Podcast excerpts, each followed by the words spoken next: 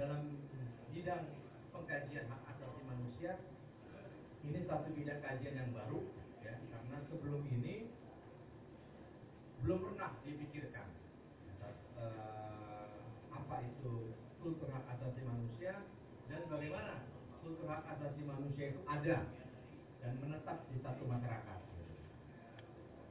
Selama ini kalau kita bicara tentang hak asasi manusia yang kita bicarakan adalah hak asasi manusia sebagai duty dari negara, sebagai right dari warga negara atau individu. Jadi kita selalu bicara hak asasi manusia selalu dengan mengandaikan adanya negara yang menjamin keberadaan hak asasi manusia itu. Jadi selama ini diskursus umum tentang hak asasi manusia adalah diskursus yang mengandaikan negara.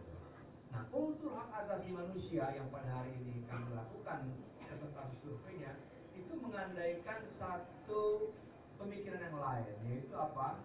Yaitu yaitu bahwa untuk hak asasi manusia itu bisa tumbuh dan menguat, maka dia perlu dilihat bagaimana ya, bagaimana penerimaan, bagaimana rekognisi dari masyarakat, dari warga, bagaimana yang dilihat dari apa? Dilihat dari tiga indikator, pengetahuan warga akan apa itu hak asasi manusia, bagaimana sensibilitas warga tentang hak asasi manusia, dan yang ketiga adalah apa sikap tindakan yang diambil oleh warga dengan dasar pengetahuan itu. Jadi yang mau diukur di sini justru adalah sejauh mana konsep, pemahaman, dan kehendak untuk bertindak di dalam hak asasi manusia itu hidup dan lestari di dalam praktek kewarganegaraan. Nah itulah yang kami namakan dengan kultur hak asasi manusia. Jadi kultur di sini bukan dalam arti seni dan segala macam itu, tetapi kultur dalam arti uh, apa ya uh, berdi tumbuhnya ya tumbuhnya pikiran perasaan sensibilitas dan tindakan di dalam hak asasi manusia dalam kehidupan warga negara nah, jadi bagi, jadi dengan ini kami ingin menyodorkan satu konsepsi baru dalam diskursus hak asasi manusia di Indonesia bahwa HAM itu penting jaminan HAM oleh negara itu penting, tetapi di sisi yang lain juga bagaimana HAM diterima oleh di dalam masyarakat dan bagaimana masyarakat bertindak di dalam HAM itu juga jauh sangat penting.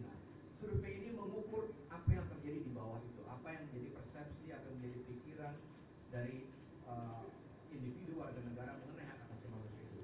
Nah dari survei itu menarik beberapa hal yang kami temukan, beberapa hal yang kami temukan sorry, secara metodologis nanti saudara Alvin akan bisa menjelaskan lebih jauh, tapi secara umum bisa saya katakan survei ini dilakukan uh, mengambil 2040 responden ya dari seluruh Indonesia. Uh, responden diambil baik yang tinggal di desa maupun yang di kota ya nanti komposisi definisinya akan dijelaskan dari saudara Alvin. Nah memang apa yang menarik dari eh, survei-survei uh, ini ya dari hasil survei ini coba kita lihat Bagaimana sih posisi masyarakat terhadap konsepsi hak asasi manusia? Kalau dilihat pertanyaan ini secara umum, sebenarnya mengenai apa itu hak asasi manusia, mengenai definisinya, sejauh mana pengertian dasarnya, tidak terlalu buruk orang Indonesia itu. Jadi orang Indonesia itu cukup uh, kalau dilihat dari survei ini ya kan 75 persen, 79 persen, ya itu dia tahu apa itu hak asasi ya. Jadi eh, kalau kita lihat lagi, kalau kita lihat di bawahnya lagi, apakah dalam konstitusi kita sudah mengakomodasi hak asasi manusia? 72% mengatakan sudah. Nah ini mengandaikan apa ya ada ada semacam sejenis pengetahuan minimal ya tentang apa itu hak asasi dan bagaimana akomodasi hak asasi itu di dalam sistem hukum dan sistem kepolitikan kita secara normatif. Juga apabila kita lihat pertanyaan ketika apakah menjamin pemenuhan hak asasi bagi warga merupakan tugas pemerintah. 91 persen menjawab ya. Nah di sini juga uh, kalau kita lihat ya, kesadaran tentang duty dari negara dan right dari individu itu juga kuat melalui pertanyaan ini. Nah salah satu yang juga menentukan Hemat kami adalah kesesuaian atau kompatibilitas nilai-nilai hak asasi manusia tradisi agama serta budaya yang hidup dengan masyarakat. Nah ini bagian yang krusial dari survei ini untuk melihat sejauh mana sih orang Indonesia itu memandang hak asasi manusia dalam pertautannya dengan tradisi-tradisi mereka dan agama yang mereka ambil. Nah kenapa ini penting ditanyakan? Karena selama ini selalu ada asumsi bahwa untuk negeri-negeri di mana warga negaranya mayoritas beragama Islam itu hak asasi manusia sulit untuk tumbuh. Nah ini perlu riset lebih jauh bagaimana nanti kita bandingkan misalnya Indonesia dibandingkan dengan Thailand yang basisnya agama Buddha atau Barat juga untuk sebenarnya untuk mengkonfirmasi satu pandangan umum yang selalu mengatakan bahwa hak asasi manusia itu identik dengan ide-ide Barat, gitu ya. Nah untuk itu kita kontra kontradiksikan dengan pertanyaan ini, nah, apakah HAM sejalan dengan tradisi kebiasaan Anda? Jawabannya apa itu? 46% sesuai, 41% agak sesuai. Jadi sebenarnya sekitar 80 kalau kalau kita simpulkan 80% lebih dia punya pandangan yang relatif positif dalam melihat pertautan tradisi dengan hak asasi manusia. Kalau kita tanya lagi bagian berikut, apakah HAM memiliki kesesuaian dengan agama yang yang dianut? 53% mengatakan sesuai, 36% mengatakan agak sesuai. Nah kalau kita gabung dua dua kompartemen ini, maka kemudian kita juga mendapatkan hampir 90% orang Indonesia cenderung untuk mengatakan HAM itu sesuai dengan agama mereka. Gitu loh ya. Nah ini satu pengetahuan, satu hasil. Uh, tentu saja yang namanya survei dia baru melihat aspek uh, aspek kognisi dari dari hak dari hak asasi manusia. Kita belum gali lebih dalam kesesuaian sampai mana dalam hal apa gitu. Nanti kita lihat dia sudah mengatakan sesuai, tapi nanti ada beberapa pertanyaan yang lebih uh, menohok. Nah, di situ akan kita uji sesuai sampai apa. Yang ketiga, apakah HAM sesuai dengan budaya di Indonesia? Nah, itu juga hampir 90% mengatakan bahwa HAM sesuai dengan budaya Indonesia itu. Dengan perincian 47% mengatakan sesuai, 43% agak sesuai gitu. Nah, jadi dari segi ini sebenarnya diskursus hak asasi manusia yang semula disebut sebagai barat itu dia memiliki sebenarnya cukup memiliki Eh, penerimaan dari sisi kultural di dalam masyarakat Indonesia. Jadi terlepas dari berbagai macam eh, stigma Barat atau eh, apa eh, apa apalagi ketika dia diletakkan dalam satu perdebatan yang politik gitu ya orang sering curiga ham ini alat ini alat itu ya kan eh, tapi secara dalam tingkat secara kognitif gitu orang Indonesia menurut saya cukup uh, cukup punya penerimaan yang baik tentang hak asasi manusia. Meskipun demikian ada sedikit catatan mengenai kedalaman pengetahuan, ya kan, tentang mekanisme manusia. Jadi pengetahuan dasar dia punya. Tapi ketika masuk soal mekanisme, ya ini data bergerak agak lain lagi. Apakah anda mengetahui mekanisme apa saja yang tersedia untuk menjamin hak asasi manusia? 63% menyatakan tidak.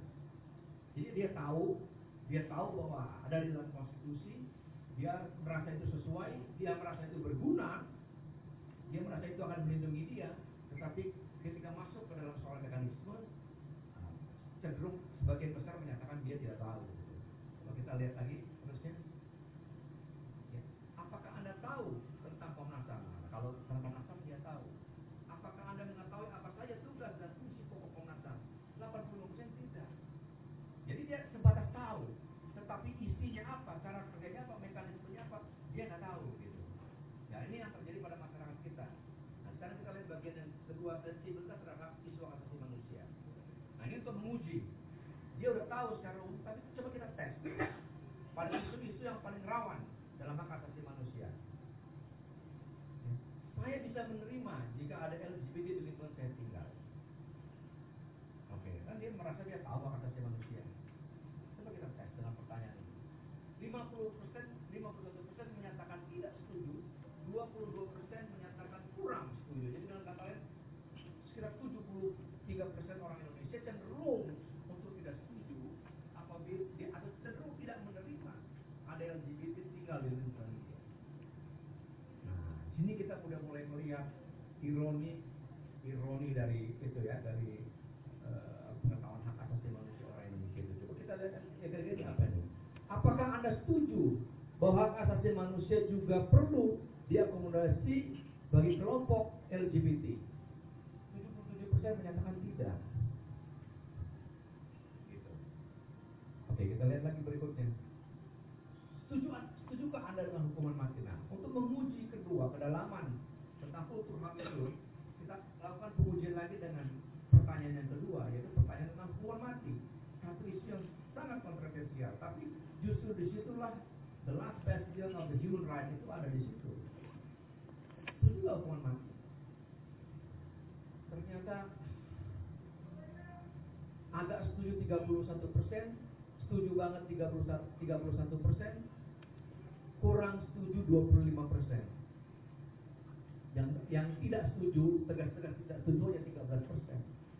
Jadi mayoritas kita tahu HAM tapi setuju hukuman mati. Mayoritas masyarakat kita tahu apa itu hak hidup, setuju akan apa itu hak hidup, tetapi mereka secara paradoksikal setuju hukuman mati. Nah, itu ya, ya. Jadi sekedar menggambar apa saja yang dikatakan sebagai hak asasi manusia. Nomor satu, 43 persen hak hidup. Tapi secara ironis dia setuju hukuman mati. Gitu. Jadi dalam melihat soal HAM ini di Indonesia kita memang nggak bisa secara nggak bisa melihatnya secara umum gitu ya. Kita mesti lihat rinci rinci satu persatu. Karena ada ada banyak paradoks paradoksnya. Gitu. Mari kita lihat seterusnya. Nah soal beda agama. Saya bisa menerima jika ada orang berbeda agama di lingkungan saya tinggal. 50% setuju, 36% cenderung uh, agak setuju. Jadi sekitar 80% lebih memang cenderung punya penerimaan yang positif. Kalau soal agama, perbedaan orang, perbedaan agama. Jadi dari segi ini uh, masyarakat kita, masyarakat secara antropologis memang cenderung toleran, masih toleran. Jadi dari segi secara antropologis ya, bahwa ada aksentuasi politik agama segala macam itu itu berkaitan dengan presence politik uh, jadi uh, per, uh, perkelahian politik uh, contemporer pada level infrastruktur elit ya tapi antropologi antropologi sosialnya mengatakan bahwa masyarakat kita bisa menerima kehidupan yang berbeda agama itu saya bisa menerima jika ada pendirian rumah ibadah di lingkungan tempat saya tinggal 41 persen setuju 36 persen agak setuju jadi sekitar 70 persen lebih itu cenderung untuk bisa setuju menerima kalau ada pendirian rumah ibadah di tempat lain gitu. Nah, yang paling nah tapi kita lihat cek lagi bagian yang lebih subtil. Ya kan kalau sudah menyangkut soal tubuh nih lain orang Indonesia reaksinya. Setujukah Anda dengan pernikahan berbeda keyakinan? 70% tidak setuju. Jadi dia bisa toleran, dia bisa menerima rumah ibadah, bisa tinggal bersama yang lain, tapi beda agama nggak setuju. Tetanggaan boleh tapi nggak boleh kawin. Ngelirik boleh, pacaran boleh, tapi nikah jangan sama dia ya. Tidak hanya itu, masyarakat juga menerima sensibilitas yang cukup tinggi terhadap korban kekejaman Orde Baru. Nah ini bagian pertanyaan ini kita coba tanyakan. Apakah Anda setuju negara memberikan kompensasi bagi korban pelanggaran HAM di masa Orde Baru? 24% setuju jelas-jelas, 34% agak setuju, 42% tidak setuju. Lebih dari setengah mayoritas itu cenderung setuju untuk memberikan kompensasi bagi korban pelanggaran HAM Orde Baru. Ya. Nah, oke. Okay. Sekarang kita lihat bagian terakhir ya. Apa saja yang Anda lakukan untuk mendapatkan serta menyebarkan informasi dan pengetahuan terkait hak asasi manusia?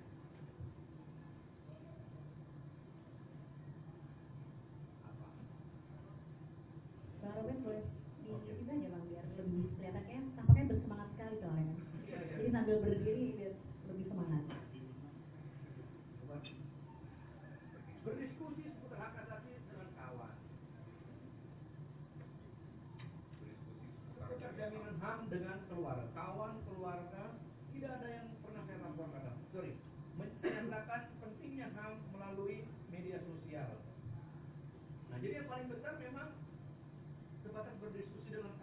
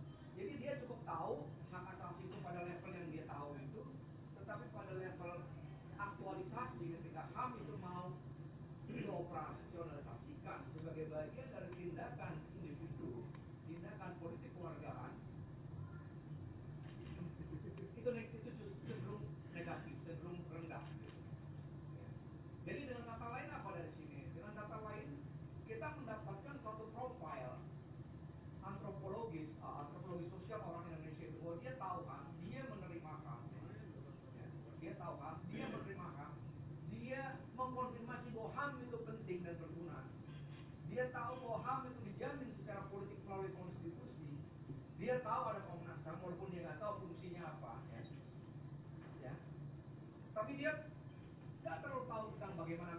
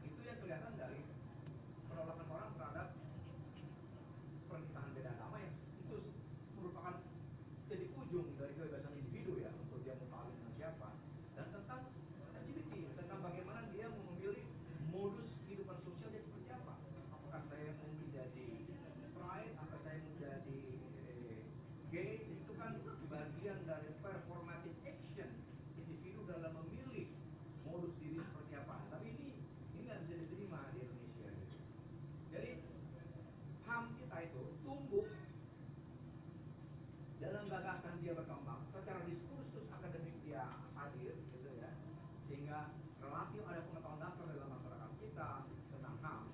Tetapi dia tidak tapi dia tumbuh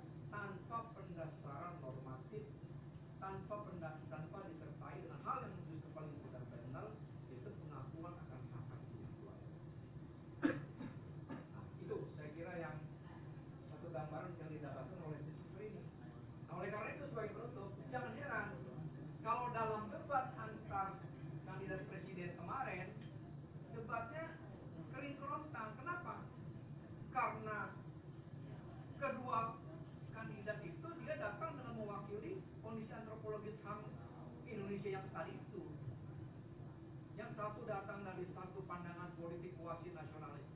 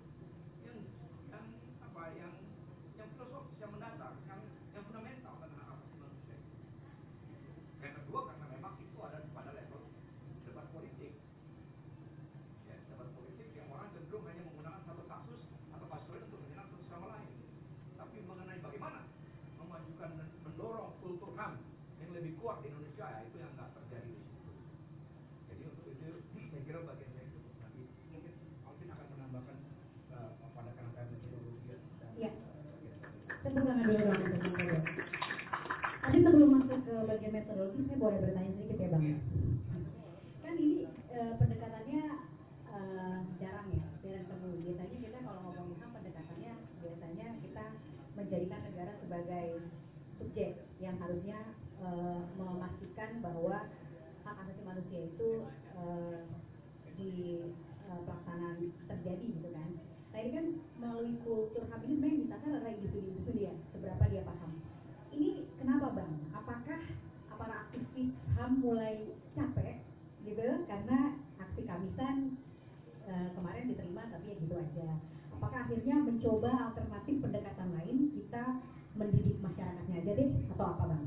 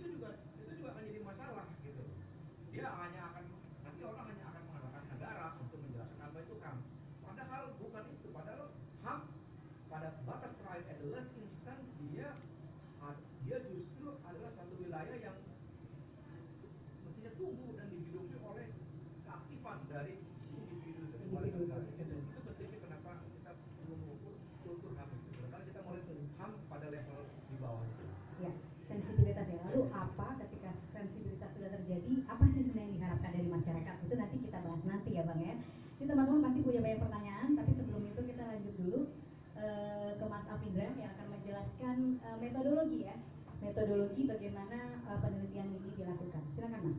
Ya, uh, terima kasih. Uh, untuk kegiatan survei ini sebenarnya sebagaimana survei-survei biasa dilakukan, biasanya survei politik. Jadi kita uh, menggunakan stratified random sampling di 34 provinsi di Indonesia. Uh, kemudian kenapa kita sampai ke angka 2040 tujuannya sebenarnya untuk menjaga supaya margin of error itu tambah kurang 2,3 persen di tingkat confidence 95 persen angka-angka yang di sini bisa kita tambah kurang 2,3 persen lah untuk angka realnya kira-kira berapa. Uh, terus uh, distribusi rural urban uh, memang ini karena kita coba jaga untuk ada pembandingan yang setara, tapi di beberapa provinsi memang sudah lebih banyak yang ada di urban. Jadi rentangnya itu kami jaga tidak ada yang lebih dari 40 banding 50 Uh, kira-kira itu aja dari segi metodologi wawancaranya tetap. Eh, jadi bukan survei yang disebar kita menghadirkan enumerator uh, eh, kita datang ke rumah pertanyaannya dibacakan. Apabila ada bagian yang tidak jelas kami sudah melatih enumerator untuk menjelaskan juga. Eh, dan juga dilengkapi dengan showcard untuk membantu pemahaman responden dalam menjawab. Kira-kira seperti itu. Untuk demografi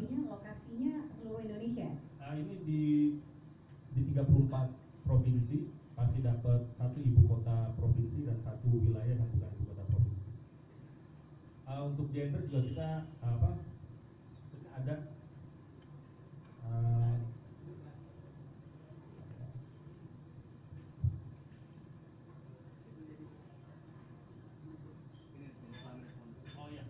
jadi kita di sini karena kalau sudah di random sampling biasanya memang mendekati kenyataan jadi hasil selain respondennya rata 50-50 uh, eh, tingkat pendidikan responden juga mewakili bahwa paling banyak adalah lulusan SMA yang paling sedikit adalah pendidikan tersier ke atas. Uh, kelompok usia uh, kita lihat di sini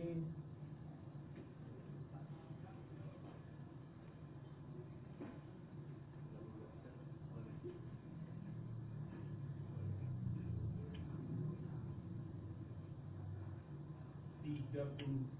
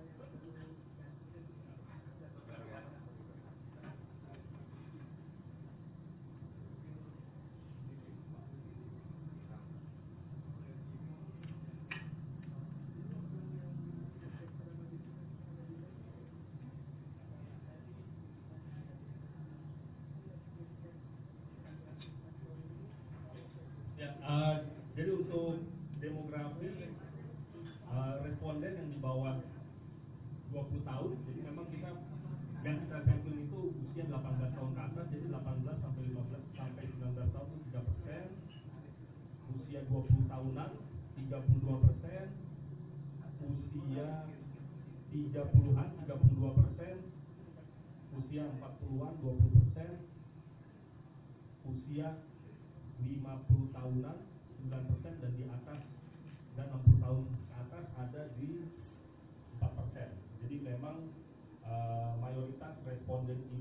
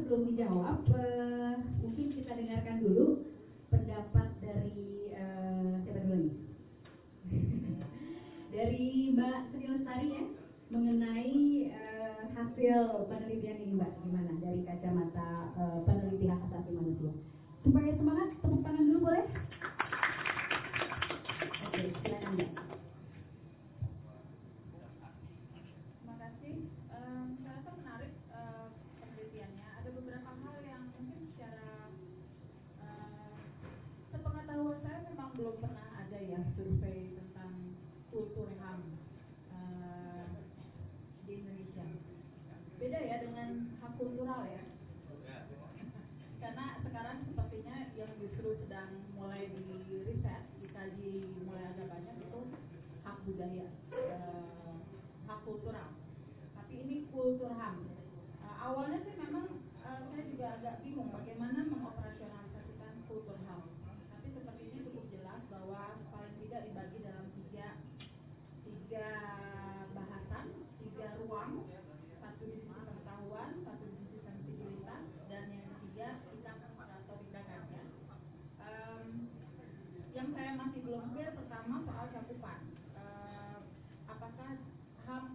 dari peneliti sendiri ham itu didefinisikan seperti apa dan bagaimana kemudian ketika dia ditumbuhkan dalam bentuk pertanyaan apakah cukup clear bahwa eh, bagaimana cara cara menyampaikan bahwa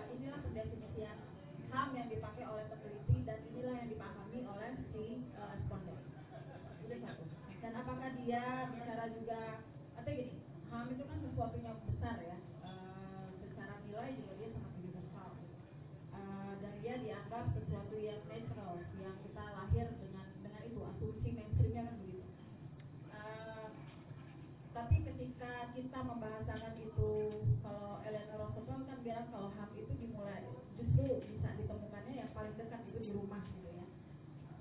Jarak dari sesuatu yang sangat universal dan generalis itu kepada sesuatu yang menjadi keseharian bagaimana dijembataninya oleh si peneliti tim sehingga responden bisa merespon itu dengan baik bisa memahami dan merespon itu dengan baik. Apakah kemudian HAM itu eh, dibahasakan dengan katakanlah kebebasan berekspresi. Atau HAM itu kebebasan eh, untuk kebebasan untuk hidup mungkin ya.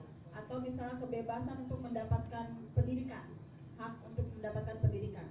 Kemudian bagaimana menempatkan eh, state bearer itu tadi duty bearer itu tadi tanggung jawab negara to protect to eh, fulfill dan to respect HAM dikaitkan dengan em, apa ya narasi yang terus menerus disampaikan kepada warga negara Indonesia tentang kewajiban warga negara misalnya. Misalnya pajak gitu ya. Bagaimana tim peneliti bisa merumuskan pertanyaan dan pertanyaan seperti apa yang kemudian diterima dan dipahami oleh si eh, responden? Itu pertanyaan pertama. Eh, itu soal lebih soal eh, metodologi ya. Em, yang lain saya sebetulnya juga membaca hampir-hampir mirip seperti ini di Inggris ya survei tentang kultur HAM di Inggris atau di mana gitu saya lupa ada dua negara. Tapi kemudian mereka memilah kategorisasi persepsi warga tentang kultur HAM ini dalam beberapa kategori. Misalnya mereka yang mendukung HAM mereka yang menolak HAM mereka yang em, apa resisten malah atau apa saya nggak tahu. Apakah kemudian peneliti juga em, punya bisa menggambarkan kira-kira karakter warga negara Indonesia ini karakter masyarakat Indonesia ini dalam konteks HAM dia lebih lebih yang karakter yang suportif atau yang inkonsisten misalnya? Karena di tataran normatif HAM itu oke tapi di tataran praktek eh, sikap atau tindakan dia menjadi sangat yang lain saya nggak nggak melihat di mana ya ini kebetulan ada orang Komnas Perempuan ini jadi saya nggak enak kalau nggak nanya juga nih saya ambil ya Kak Nana ya pertanyaannya ya. Itu gender equality ada di mana ya? Eh, hak perempuan hak anak dan eh, hak kelompok minoritas itu ditanyakan juga nggak ya ada ada masuk nggak ya dalam dalam eh, dalam survei ini Em, lainnya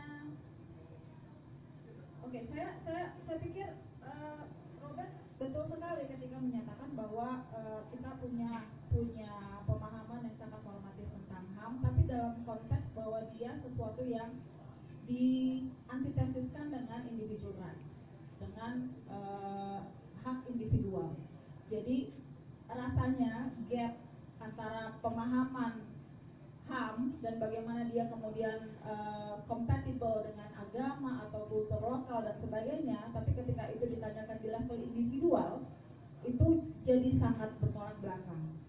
Em, tapi itu juga masalah menurut saya bagaimana saya ingat risetnya Sally Mary Engel eh, tentang gender violence, human rights and gender violence. Dia bikin riset di beberapa tempat untuk melihat gender violence misalnya di India itu sesuatu yang acceptable padahal dalam bahasa universal human rights dia unacceptable gitu ya terus masalahnya di mana kemudian dia menyatakan dia mengambil sedikit dari uh, Imagine Communities-nya Ben Anderson bahwa yang dibutuhkan adalah bagaimana membuat human rights HAM itu sesuatu yang bisa divernakularisasi vernacularized artinya em, sesuatu yang yang bisa diinterpretasikan diterjemahkan dalam bahasa lokal meskipun dia merupakan sa- satu standar norma uh, yang sifatnya universal dan internasional. Nah, uh, saya juga nggak menangkap bagaimana kemudian apakah apakah di ini ada satu kesenjangan antara sesuatu yang kebiasaan atau norma lokal dengan pemahaman HAM yang lebih sifatnya internasional. Um, kemudian kalau kita mau vernakularisasi, uh, apa kira-kira yang efek saya, saya tadi melihat ada ada peran NGO di situ. Kalau untuk vernakularisasi atau membahasakan human rights ke dalam local practice, uh, sekali saya angle saya bahwa uh, human rights itu yang yang punya privilege untuk melakukan itu karena di satu sisi dia bergerak bebas di level global internasional dengan uh, menjadi apa ya norm entrepreneurship dari nilai-nilai internasional atau universal tapi di sisi lain dia yang paling banyak berinteraksi dengan kelompok-kelompok uh, lokal dan masyarakat di sekitaran negara itu jadi yang punya peran penting adalah um, si human rights NGO nah apakah human rights NGO ini juga termasuk yang menjadi responden dari uh, tim peneliti karena di sini tadi ada kesimpulan tentang human rights NGO yang tidak efektif atau apa itu kira-kira bentuk vernakularisasi yang terjadi seperti apa kok bisa ada gap yang begitu besar antara sesuatu yang sifatnya kolektif dan individual jangan-jangan human rights yang dipahami oleh masyarakat itu beda dengan human rights yang kita kita duduk di depan ini ngerti gitu jangan beda gitu. ini, ini saya nggak dapat dari dari dari um, kalau kontradiksi HAM sebagai sesuatu yang hak alami dan individual dengan sebagai sesuatu yang merupakan konsekuensi atau kewajiban dari uh, kewajiban warga yang kemudian nantinya akan diberikan oleh negara itu kan sebetulnya kalau kita tarik balik ketika konstitusi kita dibentuk di, dibicarakan dalam PPKI dan BPUPKI um, apa namanya konflik itu sudah ada antara Supomo dengan Hatta ya. Uh, Supomo yang begitu uh, keras untuk satu konsep negara yang integral uh, negara yang uh, dikepalai oleh kepala keluarga which kemudian diartikan laki-laki uh, negara yang yang sifatnya roh absolut seperti Hegel memahami uh, absolutisme itu negara yang tidak bisa di breakdown menjadi kesatuan-kesatuan lain. Sementara Hatta melihat ada individu-individu yang membentuk negara yang berlawanan tesis dengan Spinoza bahwa negara itu satu organ tunggal. Nah uh, tesisnya Hatta kemudian diturunkan lagi bahwa Uh, konsekuensi dari itu konstitusi Indonesia juga harus mengakui individual. Meskipun itu hanya diakomodir di satu pasal di konstitusi yaitu hak uh, untuk berorganisasi ya hak hak untuk menyatakan pendapat dan berorganisasi. Kayaknya cuma itu aja deh. Uh, tapi artinya tensi itu udah ada dan saya rasa pemerintahan Indonesia setelah itu masih tetap menganggap bahwa konsepsinya Subomo masih lebih lebih baik dalam hal uh, melegitimasi kekuasaan mereka atas satu entitas yang lebih besar yang namanya negara atau nation atau bangsa. Instead of perlindungan terhadap individual warga negara. Warga menjadi tidak penting. Itu juga yang kemudian kita bisa tarik dengan uh, logika pemimpin-pemimpin yang sekarang ini. Bagaimana kemudian mayoritas majority numbers itu matters daripada yang minoritas Uh, karena mayoritas mewakili sesuatu yang lebih kolektif sifatnya yang lebih dianggap represent dari sebuah society masyarakat atau nation atau bangsa. Minoritas ya memang harus tunduk kepada uh, apa pemenuhan hak-hak uh, asasi yang hak asasi ya katanya ya tapi hak asasi yang sifatnya apa tuh uh, komunal apa uh, kolektif mungkin ya uh, satu entitas yang namanya negara Artinya uh, paradigma negara sebagai sesuatu yang absolut yang tidak bisa ditawar, rasanya itu yang masih menjadi paradigma kenapa kemudian seperti Robert bilang debat kemarin itu menjadi omong kosong karena murni adalah urusan negara. Bicara soal hak atas pembangunan adalah hak atas pembangunan dari perspektif negara. Tapi tidak melihat eh, sebagai negara yang gagal kemudian menempatkan atau memposisikan di mana hak individual, hak-hak minoritas ada di dalam pendefinisian dan demikian. Kalau saya lihat sih ini ini penyakit Machiavellian ya. Uh, human rights itu hanya sebatas alat utility uh, dan oportunisme uh, para elit-elit ini untuk mendapatkan uh, legitimasi politik, popularitas. Kenapa kemudian isu HAM menjadi sangat sensitif? Karena dibanding dengan isu infrastruktur, pembangunan atau keamanan, uh, reputasi untuk uh, melakukan uh, atau memenuhi HAM itu lebih sulit uh, daripada mendapatkan reputasi yang baik sebagai uh, pemimpin negara yang bisa menjalankan di bidang-bidang yang lebih kasat mata, uh, infrastruktur dan lain-lain. Um, rasanya itu dulu deh, nanti coba dielaborasi lagi. Oke, boleh tepuk tangannya? Ya. Sekarang saya lanjut langsung ke Haris Azhar, silakan tanggapannya. Uh, iya. Pertama saya terima kasih buat uh, teman-teman peneliti yang survei soal kultur HAM ini. Menurut saya ini bagus banget dan uh, waktunya tepat juga di launching hari-hari seperti ini uh, untuk mendiskusikan sebenarnya ketika ada dua orang lagi rebutan kekuasaan, sebetulnya mereka itu lagi yang mau dijaring itu sebetulnya siapa masyarakatnya masyarakatnya tergambar dari uh, survei ini ketika misalnya bicara soal debat hak asasi manusia kalau saya berangkatnya dari tesisnya begini orang Indonesia itu sadar hak asasi manusia kalau dia sudah uh, berdarah kalau dirinya berdarah dirinya diinjak-injak terus dia teriak bahwa saya punya hak asasi manusia tapi kalau orang lain orang lain yang di injak-injak dijadikan korban dia tidak akan melihat bahwa itu korban hak asasi manusia dia akan tanya dulu kamu agamanya apa kamu etnisnya apa kamu pilih nomor satu atau nomor dua ya kan Eh,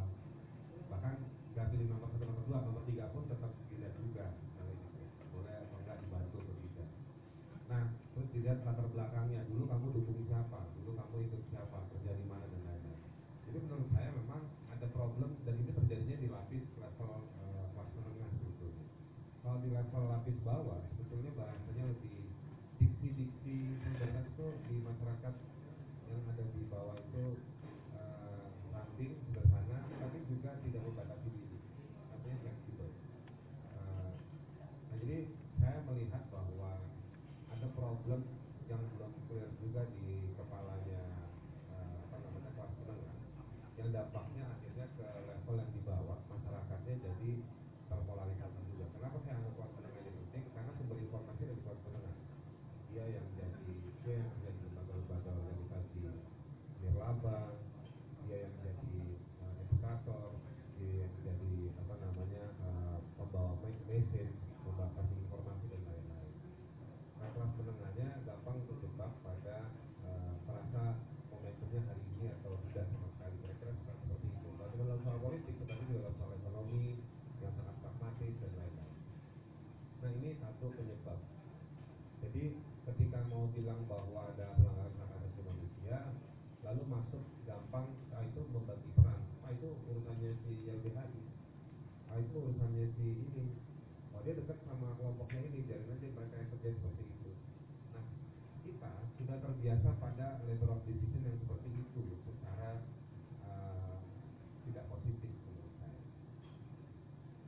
Nah ini yang akhirnya terjadi gambaran-gambaran ini justru meringankan tugas negara dalam arti negatif. Negara jadi semacam enak untuk menghindar mempertanggungjawabkan soal hak asasi tersebut. Jadi hak negara bilang bahwa ya kalau sudah jelas siapa yang ngurus isunya apa silakan.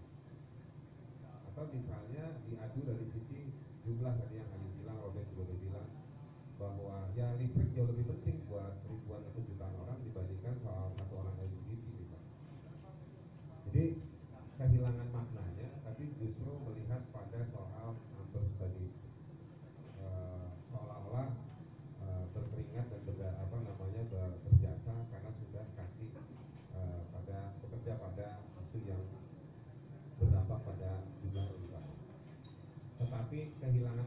ada uh, hak atau hak yang dilanggar. Gara-gara negara tidak muncul, akhirnya tidak ada poin kerja yang saya sampaikan batas minimum. Coba kalau teman-teman lihat, benar survei ini mengafirmasi akibat dari ketiadaan batas minimum. Apa yang dimaksud dengan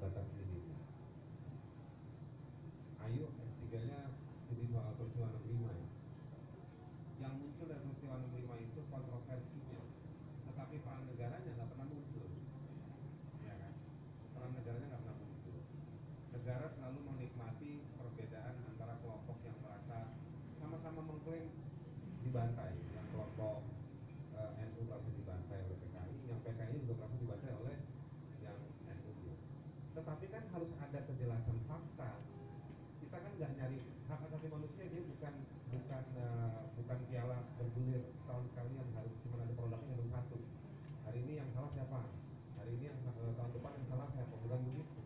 Kalau dalam satu peristiwa tiba-tiba dua kelompok itu dibilang salah ya nggak ada masalah. Tetapi batas minimumnya kita nggak pernah punya untuk mengungkap kesulitan batas minimum kemudian adalah tidak juga pernah bisa mengakui ketika tidak bisa mengakui lalu kita bisa mendeklarasikan. Jadi deklarasi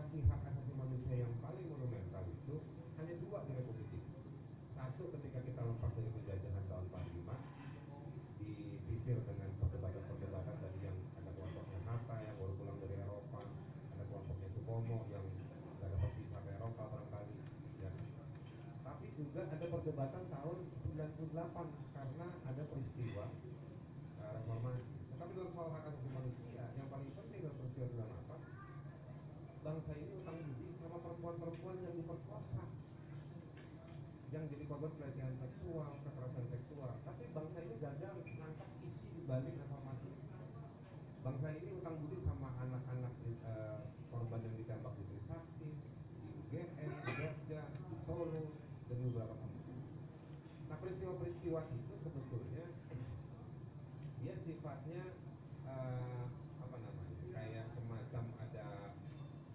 batu baja atau kayak apa meteor jatuh.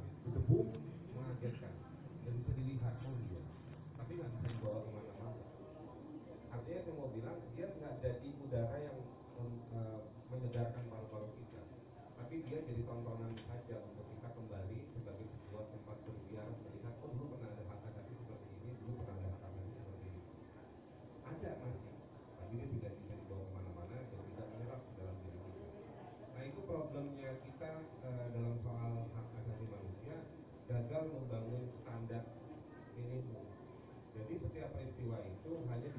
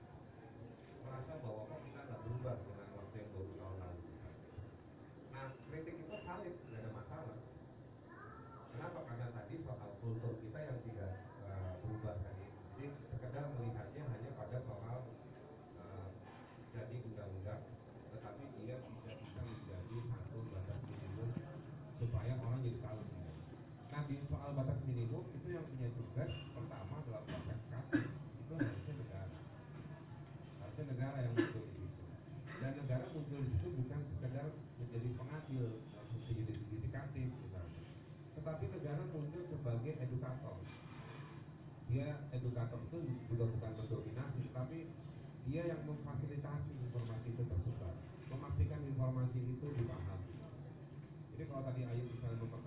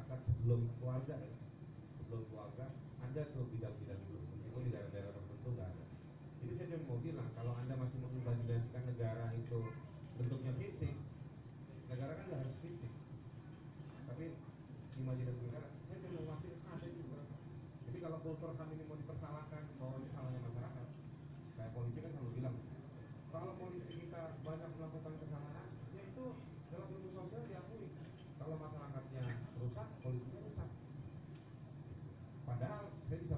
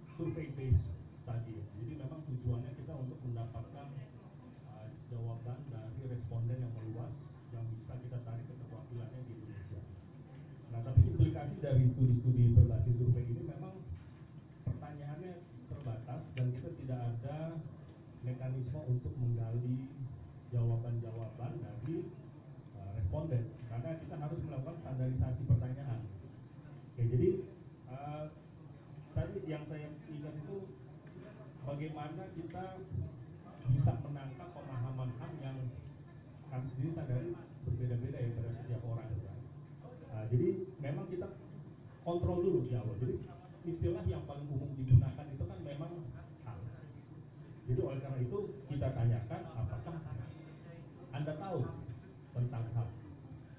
Nah tentunya di sini yang menjawab 75 79 persen tadi yang disampaikan oleh Robert, dia masuk kategori merasa tahu apa itu ham. Jadi buat dia, ya dia tahu.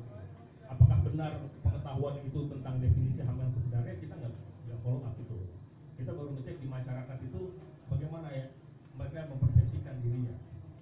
Nah, namun kita melakukan uh, pertanyaan lanjutan yang sebagai mekanisme kontrol terhadap pertanyaan hukum ini. Jadi ada pertanyaan itu kita menanyakan menurut saudara apa saja yang menjadi bagian dari hak dan dia diberikan kesempatan untuk memilih semuanya. Jadi di situ mencakup hak untuk hidup, hak untuk mendapatkan pekerjaan yang layak, kebebasan memilih keyakinan dan agama, kesamaan di hadapan pemerintahan dan hukum, mendapatkan pendidikan yang layak, mendapatkan pelayanan kesehatan yang baik, hak untuk berserikat dan berkumpul, hak untuk menyatakan pendapat, tidak mendapatkan perlakuan diskriminatif, kemudian kita kasih opsi semuanya adalah bagian dari HAM dan kita opsi juga tidak ada yang menjadi bagian dari HAM nah tentunya pilihan dari A sampai I itu semuanya bagian dari HAM jadi kalau misalnya memang masyarakat itu paham apa itu makna dari HAM mestinya semua memilih semuanya nah tapi dari jawabannya kita dapat 54% yang menjawab semuanya jadi sebenarnya uh, dari 79% tadi yang merasa tahu kalau kita lihat secara lebih rinci mungkin 54% di masyarakat. Nah terus uh, aspek apa yang paling dipahami? Hak untuk hidup. Jadi 54% bilang semuanya bagian dari HAM, 43% bilang hak untuk hidup. Jadi sekitar 97% dari masyarakat kita menerima bahwa hak untuk hidup itu adalah bagian dari HAM. Oke, dan ada beberapa mekanisme pertanyaan kontrol lainnya yang bisa bisa kita gali. Jadi misalnya tadi ada perbedaan uh, pemahaman pada tingkat kelas menengah atau tingkat kelas bawah itu bisa kami periksa gitu, dari datanya karena kan kami punya data demografinya juga itu kan dari tingkat penghasilan kita bisa mengestimasi uh, sospeknya dari penghasilannya dari pendidikannya dan itu tentunya bisa dan akan kami lanjut uh, lakukan analisis lebih lanjut jadi uh, memang tujuan dari studi baseline ini sebenarnya untuk uh, mengcapture ibaratnya uh, areal fotografinya gitu. Kalau kita foto dari angkasa, seperti apa sih peta kultur HAM itu di Indonesia gitu. Nah, baru setelah kita mendapatkan foto yang umum itu, kita coba uh, terjun ke lokasi-lokasi yang tampaknya lebih unik dan situ kita bisa melakukan studi yang lebih mendalam yang tentunya harus dilakukan studi kualitatif ya, untuk bisa menggali secara lebih dalam. Nah, terus kemudian uh, terkait responden ya, karena responden ini kita uh, pakai random sampling, ya, kita tidak mengecek apakah orang ini ada yang pegiat HAM atau tidak gitu. M mungkin ada, gitu, tapi kita nggak tahu. Gitu. Tentunya uh, riset berikutnya apabila dilanjutkan bisa melihat spesifik pada orang-orang yang memang sudah terlibat dalam lembaga-lembaga uh, HAM, kegiatan-kegiatan HAM, gitu, untuk melihat apakah ada uh, perbedaan di pemahaman mereka. Uh, justru hasil ini buat kami di luar dugaan gitu kan. Kami pikir tadi uh, pemahaman HAM di Indonesia jauh lebih rendah daripada ini gitu. Ternyata cukup tinggi gitu. Tapi memang tidak bisa dipungkiri di negara sebesar Indonesia yang kalau kita lihat dari DPT-nya ada 191 juta. 10% orang yang menolak HAM itu sama dengan seluruh populasi Belanda. Jadi itu menjadi masalah. Mungkin 90% menerima 10% menolak 1% anti atau bahkan melawan HAM. Itu 1,9 juta orang. Jadi kita itu uh, tertutup oleh the loud minority ini.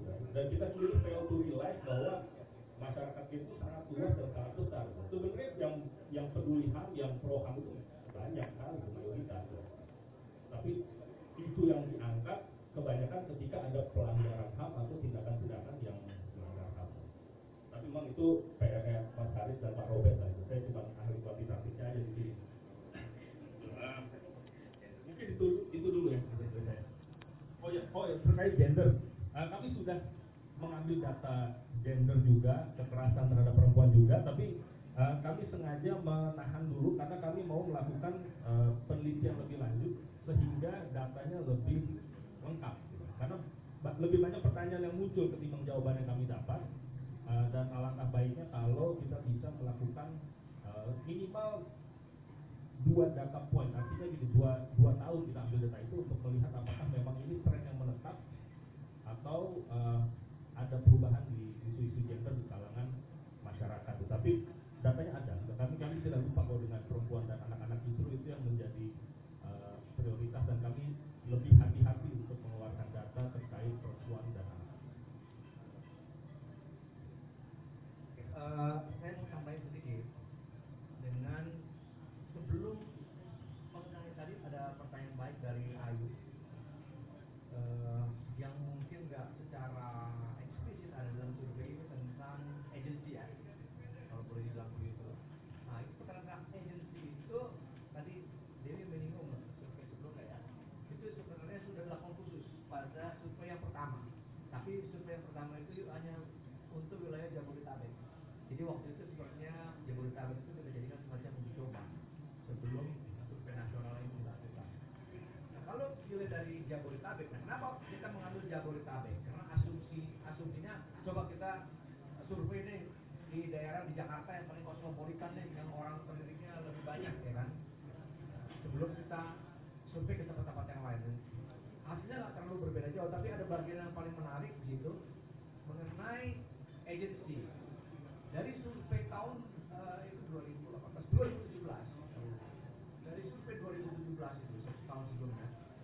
mendapatkan pemahaman begini bahwa yang sadar, ya, yang sadar, yang tahu konsep HAM, punya sensibilitas dan mau melakukannya justru lebih banyak dari kalangan tidak.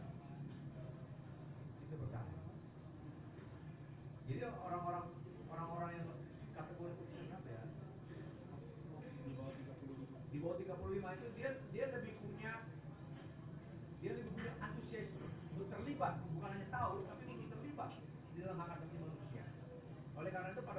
Saya.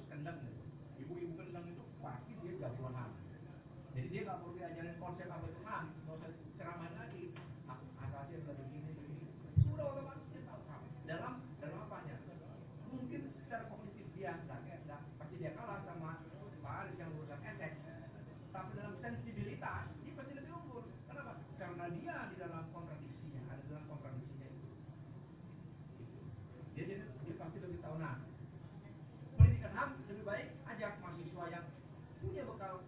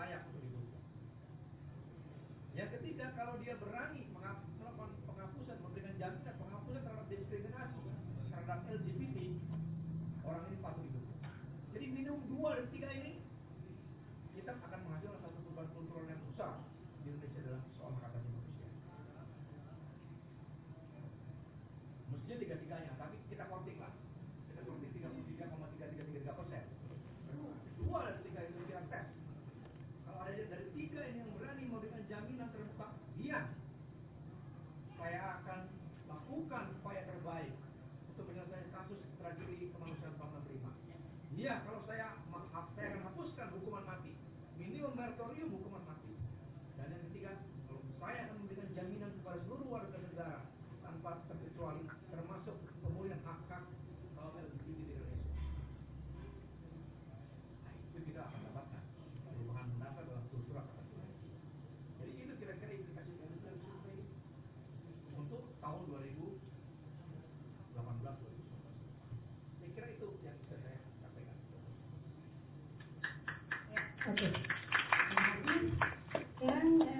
buka sesi pertanyaan. Waduh, mana ya.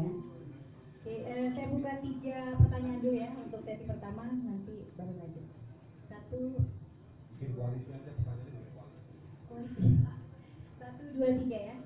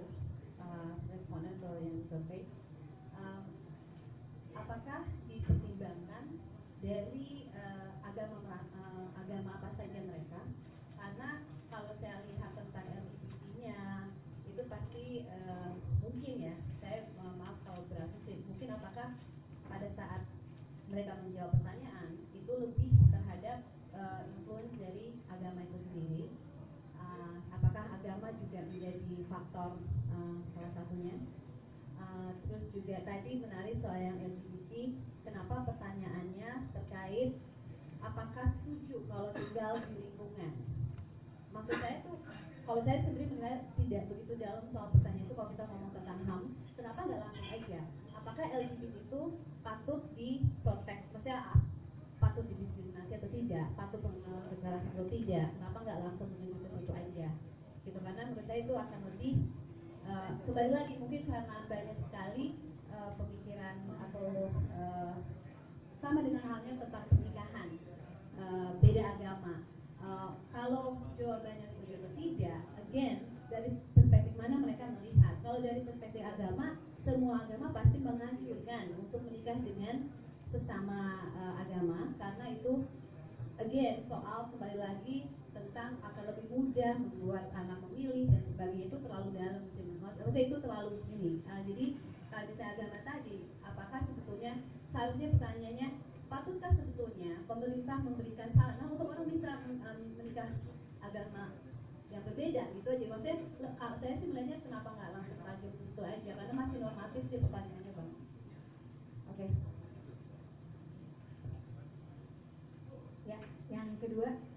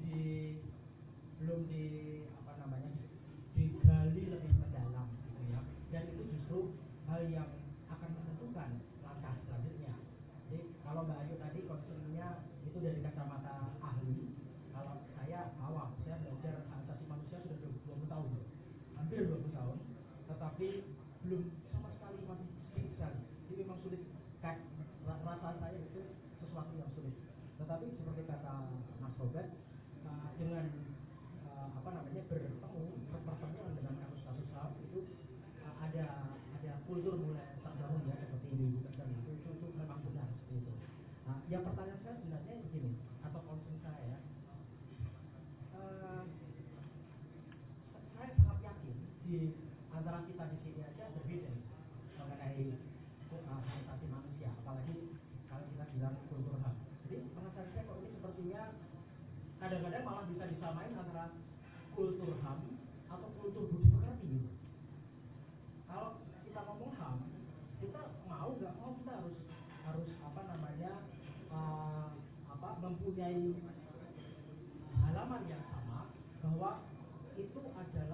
barang itu menginjam kata Haris barang itu adalah manusia siapa pun di negara mana pun punya hak ini dan harus dipenuhi oleh negara. Tetap ada unsur negara.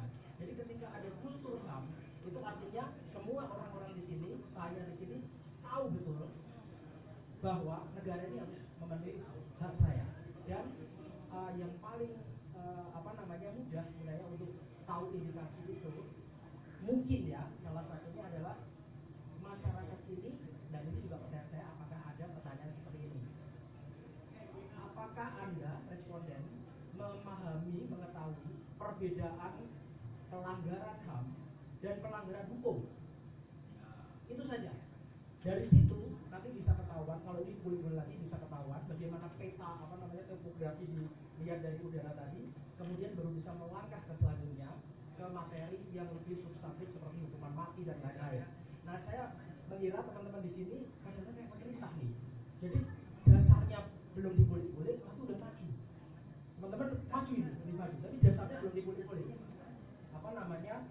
udah udah ngomong soal yang maju tapi dasarnya saja belum. Jadi apakah ada pertanyaan mengenai yang mendasar dulu? Nanti Mas. Jaki dari mana tadi Mas? Jurnalis Independen. Oke, Mas silakan. Baik, eh, saya Joko dari Radio Sinta. Semoga pertanyaan ini mewakili teman-teman media yang berdatang di sini. Ada dua pertanyaan yang ini teman-teman juga ada yang nitip juga, jadi saya gabungin aja cuma ada dua pertanyaan aja. Dari hasil survei kali ini tentang masalah perspektif ataupun masalah ini dengan debat capres yang kemarin, saya ingin tanya sebenarnya untuk empat kapasitas orang yang kemarin ikut debat itu apakah mereka masuk dalam kategori yang bapak sampaikan? Entah mereka itu masuk ke tingkat minum standar atau expert atau mereka bermain eh, aman kalau mereka menyatakan saya akan orang ini hukuman mati nanti takutnya mereka kepilih nanti diputus itu kan gitu kan Nah, jadi saya ingin tanya apakah apa yang mereka sampaikan itu dalam debat itu sudah mewakili apa pemahaman mereka soal HAM. Itu yang pertanyaan pertama. Yang kedua, ini soal ABB nih, agak melenceng sedikit tapi agak masuk juga karena pertimbangannya HAM juga. Abu Bakar Basir mendapatkan kebebasan bersyarat dengan alasan sudah tua dan berkesakitan dan ingin kumpul dengan keluarga. Oke, itu sangat bisa diterima, bisa dipahami. Tapi menurut data dari Kemenkumham sendiri, Oktober kemarin 2018 ada 4.408 napi lanjut usia dan juga butuh penanganan khusus. Tapi kenapa hanya satu orang yang mendapatkan kebebasan bersyarat?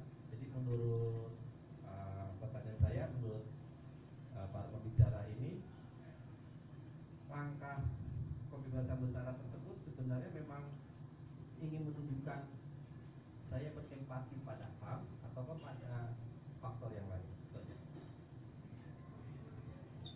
Ya. Siapa mas namanya tadi mas? Oh mas Joko, oke. Jadi ada tiga pertanyaan tadi dari Sari. Eh, yang pertama, eh, apakah agama menjadi faktor resistensi terhadap LGBT? Dan yang kedua eh, yang masih normatif itu, Bang Robert, Mas Alvin. Dan yang kedua Mas Lexi, eh, pertanyaannya mengenai definisi HAM, bagaimana membedakannya dengan budi pekerti misalnya.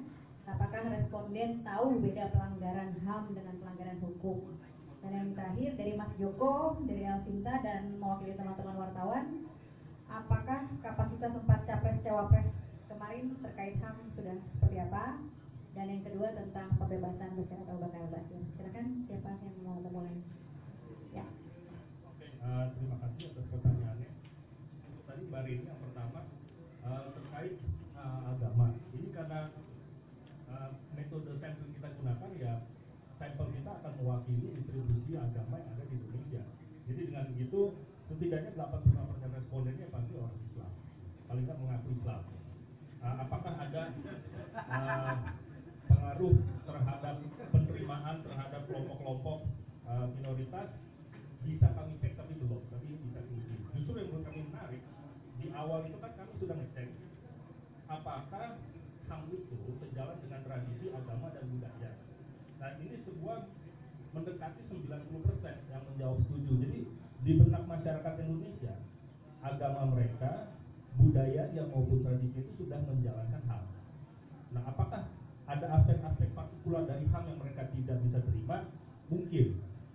Tapi itu yang mesti kita uh, gali lebih lanjut. Jadi uh, di sini kan saya menunjukkan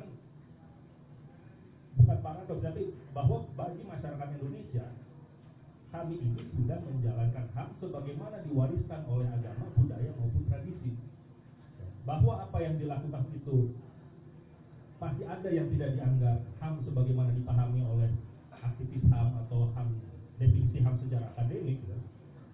mungkin terjadi tapi masyarakat kita tahu nggak bahwa itu bagian dari definisi HAM-nya. Nah di sini kan artinya ada gap antara apa yang dirasakan dipersepsikan dengan apa yang uh, ada di tataran akademiknya. Gitu. Jadi kalau misalnya tanya apakah ada pengaruh agama terhadap penerimaan kelompok minoritas, ya mungkin aja kita bisa cek. Gitu. Tapi apakah agama yang membuat orang menolak kelompok-kelompok minoritas ya belum tentu juga. Gitu. Justru kita mesti menghindari bias-bias seperti ini yang menyetarakan intoleransi itu. Ini yang mesti kita hilangkan stereotip seperti ini juga.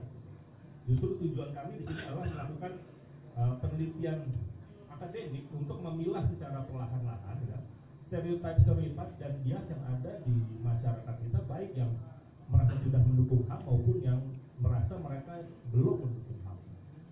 Oke, kemudian uh, mengenai pernikahan. Oke, jadi di sini sebenarnya teorinya kita mau ngecek proximity. Jadi kalau orang sudah tidak mau bersebelahan, apa gunanya lagi kita cek mau menikah atau enggak? Kan kita cek dulu sampai sampai titik mana mereka bisa menerima orang yang berbeda di address ini. Kalau misalnya uh, dari survei ini kita tahu oh mereka masih bisa menerima sebagai tetangga, paling nggak itu sudah sesuatu yang baik. Berdekatan masih tidak apa-apa. Baru selanjutnya di survei berikutnya kita bisa melihat seberapa dekat proximity yang bisa diterima. Tapi the very nature dari penelitian akademik itu memang kita mesti step by step gitu. Kita perlahan-lahan kita bangun gambar ini gitu.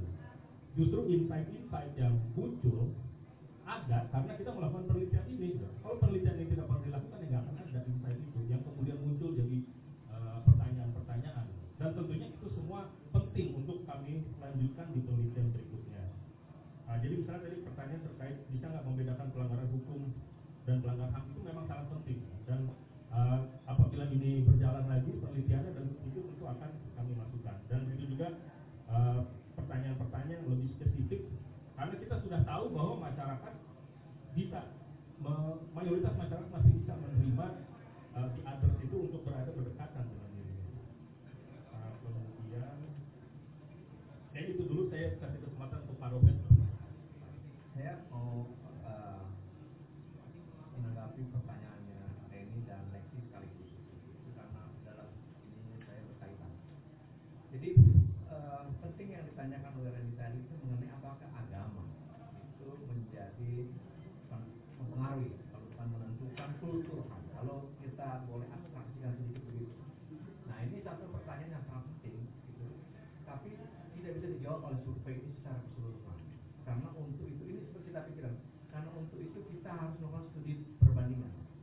misalnya uh, makanya menarik gitu, untuk ke depan tapi semua akan tergantung dari Haris.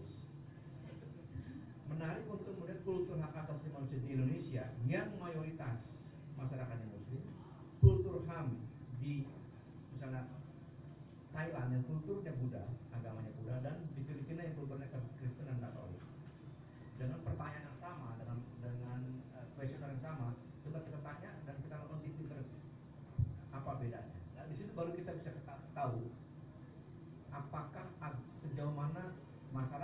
dengan agama yang berbeda-beda itu dia menghasilkan satu kultural yang seperti apa. Gitu. Nah Indonesia tentu kita bisa katakan dari sini kita bisa katakan ya sudah pasti eh, perlawanan terhadap LGBT tinggi ada fakta perlawanan terhadap LGBT tinggi hukuman mati demikian didukung pasti memang ada ada aksentuasi agama di situ itu sudah nggak bisa di juga nggak tapi sejauh mana dan apa varian variannya bagaimana bagaimana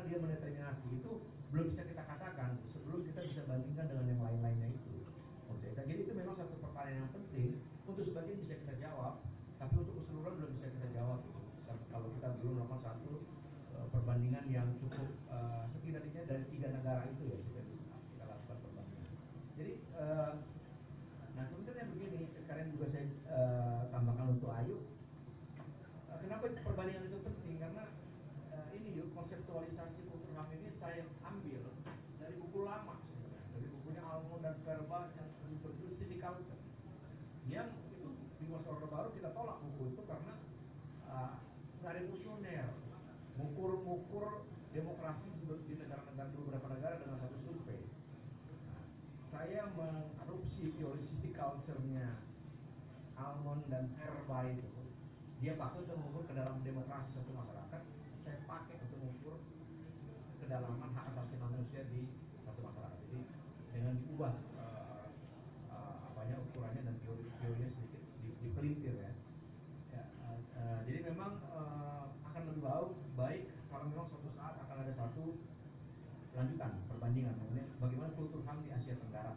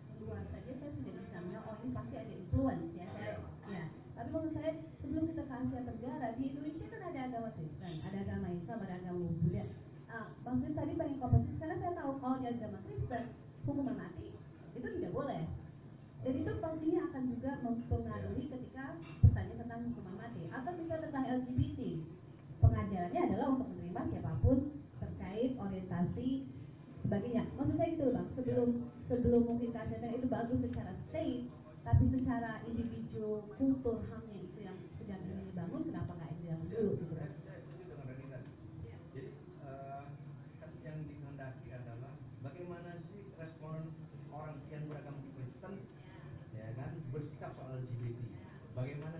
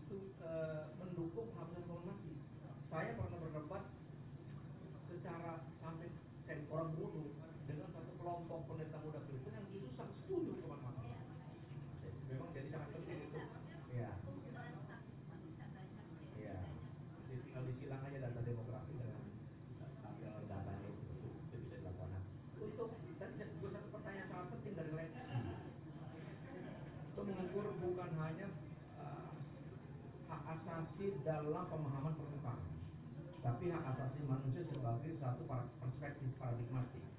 Saya paham itu loh kalau orang sudah bisa membedakan pelanggaran hukum dengan pelanggaran hak itu bisa dia bisa ukur tapi begini lah mahasiswa aku semester 3 tentang ham itu dia gak bisa belum bisa bedakan. By omission by commission gitu dia belum bisa. Jadi jangan kan mahasiswa. Banyak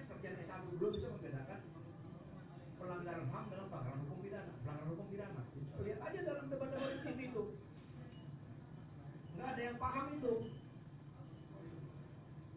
Yang lu dengar dari hukum dari kampus-kampus hebat itu banyak yang apa?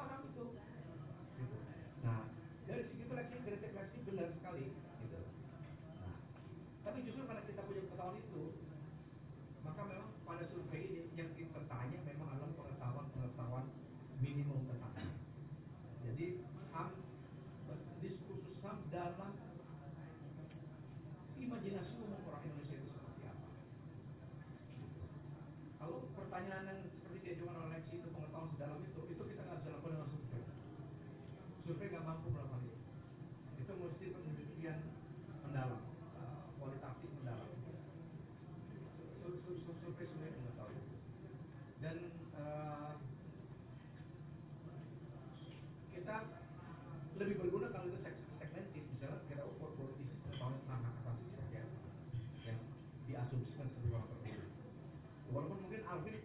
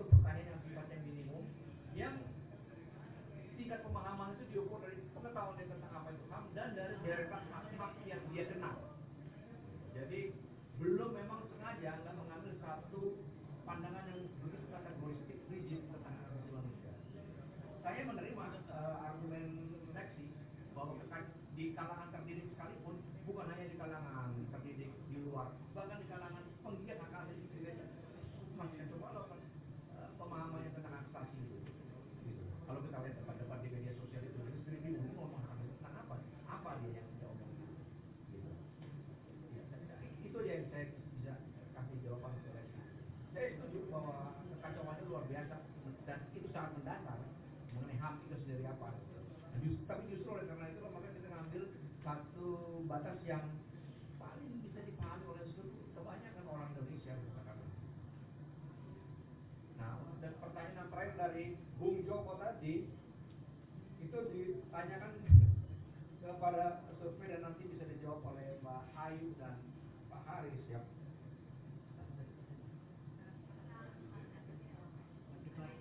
Oh, dari empat yang debat itu, yang paling paham asasi itu nomor 10. Nuhak Nur Hadi Aldo. Kalau saya boleh jawab begitu. Jadi, uh, jadi sebagaimana yang tadi saya jelaskan pa- pada bagian awal ya. Uh, keempat, keempat, keempat orang itu kan dia punya irisan masing-masing. Yang kalau kita lihat keempatnya itu menunjukkan satu latar belakang yang sama, yaitu apa? Keempat-empatnya ada di dalam latar belakang yang sangat mengedepankan politik komunitarian. Yang satu komunitarianisme, komunitarianisme berbasis pada ideologi negara, state nationalism. Yang satu lagi banyak dipengaruhi komunitarianisme dari pandangan agama dalam politiknya itu. Dan dua ide ini dia bersilang-silang tuh. Pada pada pasangannya Jokowi ada pada Maruf Amin, komunitarisme agamanya Maruf Amin, ya kan? Ya. Pada kubunya eh, Prabowo ada pada Prabowo dan kedua-duanya. Jadi dua pandangan konservatif dalam kehidupan sosial komunitarianisme berbasis pada state ideology dan komunitarianisme berbasis pada agama ada pada keempat-empat orang. Pandangan-pandangan semacam ini ini adalah pandangan-pandangan yang berbahaya bagi hak asasi manusia pada dasarnya. Kenapa? Karena pandangan-pandangan komunitarianisme ini ini memang secara paradigmatik memusuhi hak-hak individu. Memusuhi hak-hak individu. Jadi kalaupun ada semacam adaptasi, ada semacam retorik penerimaan kepada hak asasi manusia, itu adalah ya, ya tadi itu penerimaan yang Dia tidak menerima asasi manusia secara paradigmatik. Enggak. Jadi kalau mau kalau mau ditulis keempat capres cawapres itu nggak memiliki satu penerimaan paradigmatik tentang asasi manusia. Kenapa? Karena mereka tumbuh dibesarkan dalam privilege komunitarisme agama dan komunitarisme negara organisis yang punya bakat otoritarian.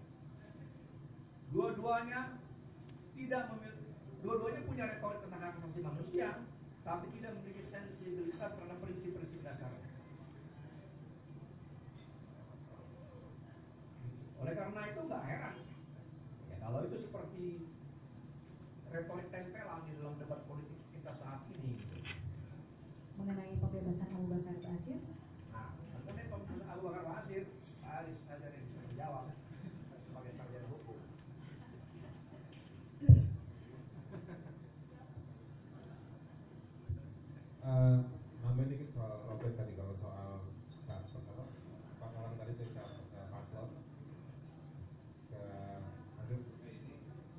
sudah Pak.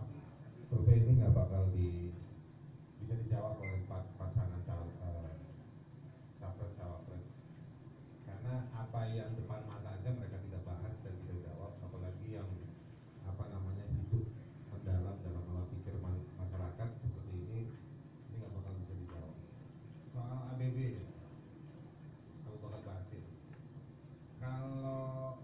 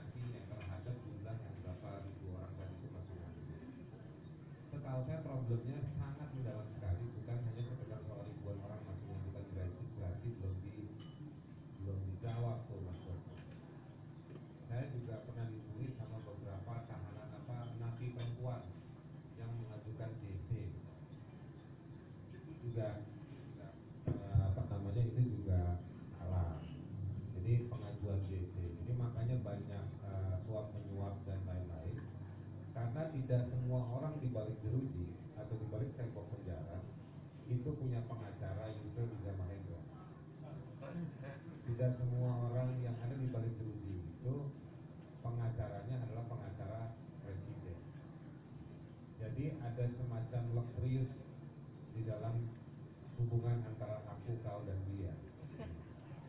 Di antara ABB, Ibu, dan Jokowi. Yaitu faktor bahwa yang ngajuin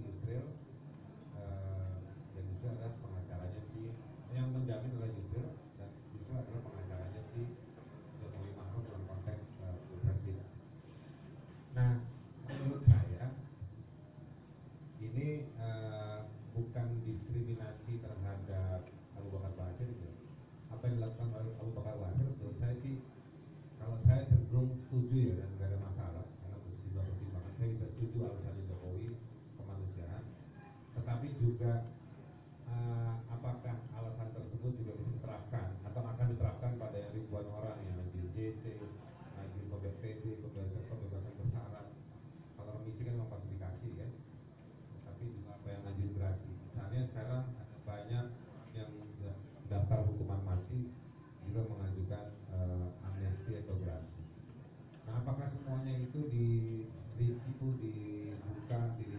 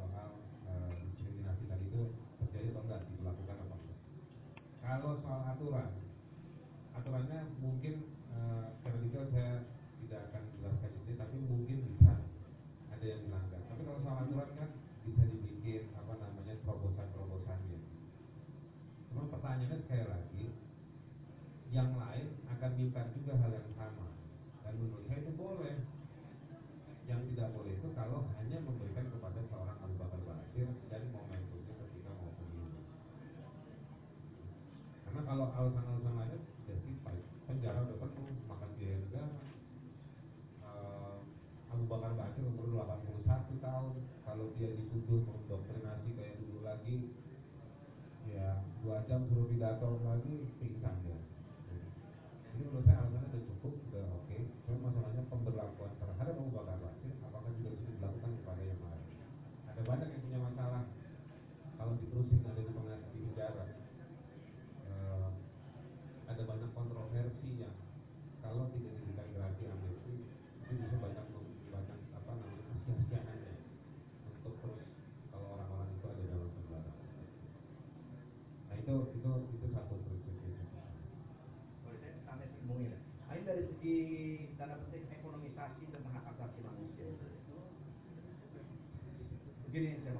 kalau saya hanya diputuskan di pemerintah menghapuskan uh, apa,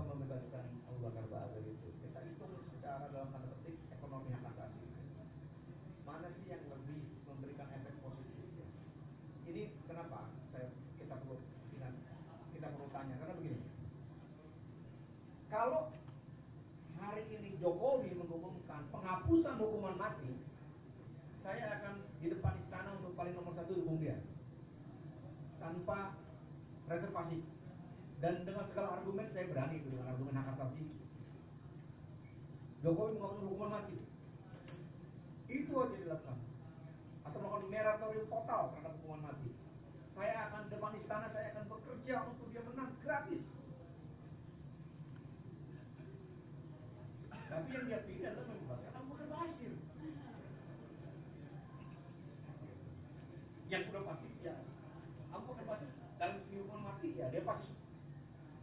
ya pandangan politik dan hukuman mati dia tahu ya. Kan. Nah itu itu yang juga menurut saya satu ironi kenapa yang dipilih dalam soal dengan argumen hak gitu kan dua-duanya mengulang argumen hak. Tapi yang pada keputusan satu kita akan mendapatkan satu peradaban baru dalam hak manusia. Sementara pada yang satu kita justru mengajukan bukannya peradaban baru tapi tanda tanya baru dalam penegakan hak asasi manusia jadi ini kontrasnya yang apa ini kontras jadi jadi dalam masa pemilu ini kita mendapatkan aneka macam ironi dan kontradiksi ya ketika kita ngomong hak asasi ya. itu ya ini ini, yang terjadi gitu ketika hak asasi manusia di diperdagangkan ditransaksikan di dalam satu pertolongan politik konjuntural semacam itu dan kedua pihak tadi itu kedua-duanya gagal mengambil sikap prinsipil dalam soal hak asasi manusia sorry empat empat kandidat itu gagal mengambil sikap prinsipil tentang hak asasi manusia itu aja mungkin Mbak Ayu mau menyampaikan Ya, sesuatu. oke. Silakan. ya semuanya em, sedikit menambahkan dengan versi tadi saya, saya juga setuju karena itu saya alami juga tuh waktu mengajar em, mata kuliah yang terkait dengan HAM ya atau topik dengan HAM umumnya mahasiswa tidak bisa membedakan hak asasi pelanggaran HAM dengan eh, pelanggaran hukum pidana atau perdata gitu ya satu semester ngajarin paper akhirnya tetap aja ngambil kasusnya adalah tetangga yang rumahnya dirampok itu katanya pelanggaran HAM gitu. jadi eh, mengecewakan betul karena itu levelnya masih satu dan semesternya juga dari mulai semester satu dan semester yang lebih tinggi jadi memang itu mendasar menurut saya bisa jadi masukan untuk tim komisi tapi juga saya melihat ada ada tiga tiga pertanyaan yang bisa terakomodir dalam masing-masing level yang mungkin juga bisa bermanfaat untuk mengukur kultur HAM. Yang pertama dalam level pemahaman, mungkin baik juga kalau penelitian ini juga bisa menangkap seberapa responden mengenali diskriminasi struktural terhadap kelompok-kelompok tertentu. Itu di level pemahaman. Sehingga bukan soal apakah mereka tahu HAM atau tidak, tapi apakah mereka bisa mengenali diskriminasi strukturalnya yang mengakibatkan rentannya sebuah kelompok atau individu terhadap pelanggaran HAM di level sensibilitas atau kepekaan yang juga saya pikir penting untuk ditanyakan kepada responden adalah soal empati. Seberapa berempati mereka terhadap korban, kelompok minoritas atau kelompok yang- yang disadvantage atau tidak beruntung. Sementara di level tindakan, saya pikir yang yang juga perlu untuk ditangkap dalam survei semacam ini adalah aspek solidaritas. Eh, saya pikir ada banyak teoretisi yang mengatakan bahwa eh, HAM itu tidak bermakna kemudian ketika demokrasi tidak bermakna kepada HAM ketika dia gagal menghadir, menghadirkan solidaritas. Eh, nah, nah itu mungkin akan akan menjadi bermanfaat ketika eh, ini juga ditanyakan, dipetakan di, di, di responden seberapa solidaritas itu ada. Jadi kalau kita bisa lihat apakah masyarakat Indonesia mengenali diskriminasi struktural, apakah masyarakat Indonesia memiliki empati eh, terhadap korban atau em, eh, kelompok yang tidak beruntung, Eh, dan apakah ada solidaritas, itu mungkin kita lebih strong untuk mengatakan ya bahwa eh, kultur HAM di Indonesia kuat, sedang, kurang dan sebagainya. Jadi itu mungkin bisa lebih pragmatis eh, sifatnya daripada eh, yang yang lebih eh, normatif. Kalau em, soal eh, kualitas eh, empat ka- empat kandidat capres itu di debat kemarin eh, terhadap soal isu-isu HAM ataupun punya atau tidak mereka kultur HAM, saya menulis itu untuk Jakarta Post. Mudah-mudahan lusa terbit jadi bisa eh, sama-sama kita baca. Itu aja. Oke, eh, karena hari sudah semakin sore dan eh, teman-teman wartawan rasanya mungkin punya pertanyaan yang ingin langsung ditujukan kepada para pembicara, maka sesi pertanyaan saya tutup. Satu aja boleh? Satu aja boleh ya? Oke, silakan mbak. Ya, terima kasih ini eh, saya Mela, saya latar pendidikan saya hukum dan saya bekerja di bidang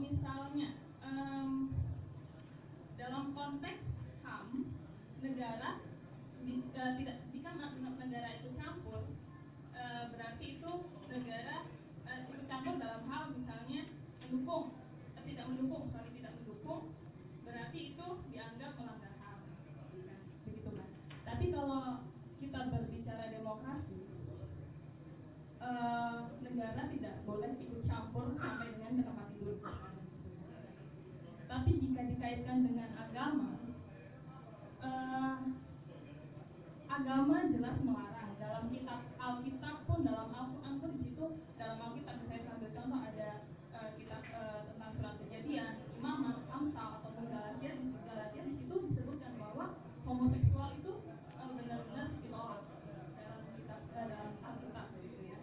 Bahkan perkawinan itu Allah hanya mengakui perkawinan itu hanya perempuan dan laki-laki dalam suatu ikatan perkawinan jadi apakah HAM jika dikaitkan dengan agama, apakah jika agama tidak eh, mendukung HAM eh, dalam arti tidak melegalkan LGBT, apakah agama itu dianggap sebagai eh, melanggar HAM? Agama itu bisa dikatakan kitab kitabnya deh, kitab itu melanggar HAM, gitu. Eh, tidak mendukung HAM. Gitu. Yang pertama itu. Dan yang kedua saya ingin bertanya, batasan HAM itu sampai seberapa jauh sih batasan HAM karena dalam HAM itu eh, kebebasan yang harus didukung hak-hak tertentu yang harus didukung gitu. jika kalau kita berbicara LGBT LGBT itu kalau di buku yang saya baca ya itu bukan suatu kodrat ataupun apa gitu ya. Tapi itu memang pure penyakit kalau yang saya baca gitu. Jadi di eh, gangguan identitas gender kalau yang saya baca ya jadi penyimpangan seksual. Jadi memang bukan pada tempatnya kalau yang saya baca ya jadi kalau misalnya kita mau bicara penyimpangan seksual kan banyak nggak hanya homofobia tapi ada pedofilia. Jika kita bicara pedofilia berarti kalau misalnya orang yang mengidap pedofilia bisa nggak mereka bersa- ber- ber- eh, berargumen bahwa ini hak saya untuk melampiaskan ke anak-anak? Kalau misalnya orang LGBT berargumen bahwa "Eh, ini kebebasan saya untuk melakukan uh, hasrat seks saya dengan sesama jenis gitu. batasannya sampai mana sih gitu Eh, kita harus mendukung hak itu itu aja sih terima kasih silakan langsung ditanggapi Baik, eh, begini Mbak, Mbak Puan, Nana, ya. di hak asasi manusia itu nggak ada kewajiban kepada setiap orang untuk nggak ada kewajiban Mbak. itu satu yang nggak prinsip yang kedua kewajiban bahwa setiap orang harus mengakui LGBT itu nggak ada jadi saya khawatir memang masyarakat itu ini perlu dibangun juga ya survei menolak HAM itu kita survei soal HAM jangan-jangan ini menolak HAM ini sumbernya imajinasi yang iya sekali. makanya tadi makanya tadi survei ini kenapa sebenarnya survei bagus karena persepsi selalu menguji referensi tahu konstitusi tahu hak asasi tahu komnas ham nah ada banyak orang yang nolak hak asasi manusia pas saya kejar referensinya nggak ada semua oke ya saya uji ya satu karena saya udah nggak bosan tapi saya udah sering diskusi soal LGBT gitu sama orang saya tanya sama orang anda nolak LGBT iya saya nolak LGBT basisnya apa saya tanya ada dua model ada basisnya jijik ya jijiknya basisnya apa ternyata karena persepsi sama seperti kita makan babi yang orang muslim ditanya emang di Quran bilang jelasin tapi ternyata kita nggak mau makan babi karena kita suka dari kecil dijijikin orang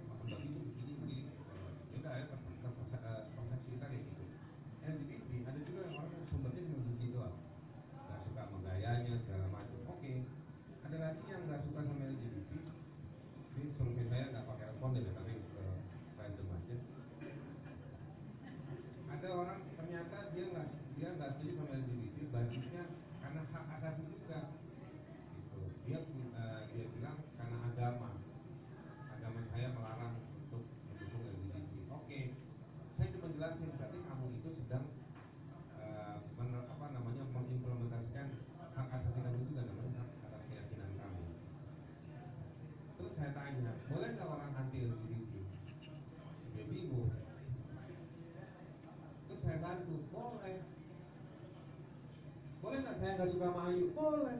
Kan saya nggak boleh nggak suka sama Ayu saya boleh. Cuma ada batas ekspresi kamu ke orang tersebut. Kalau kamu nggak suka sama LGBT apa saya boleh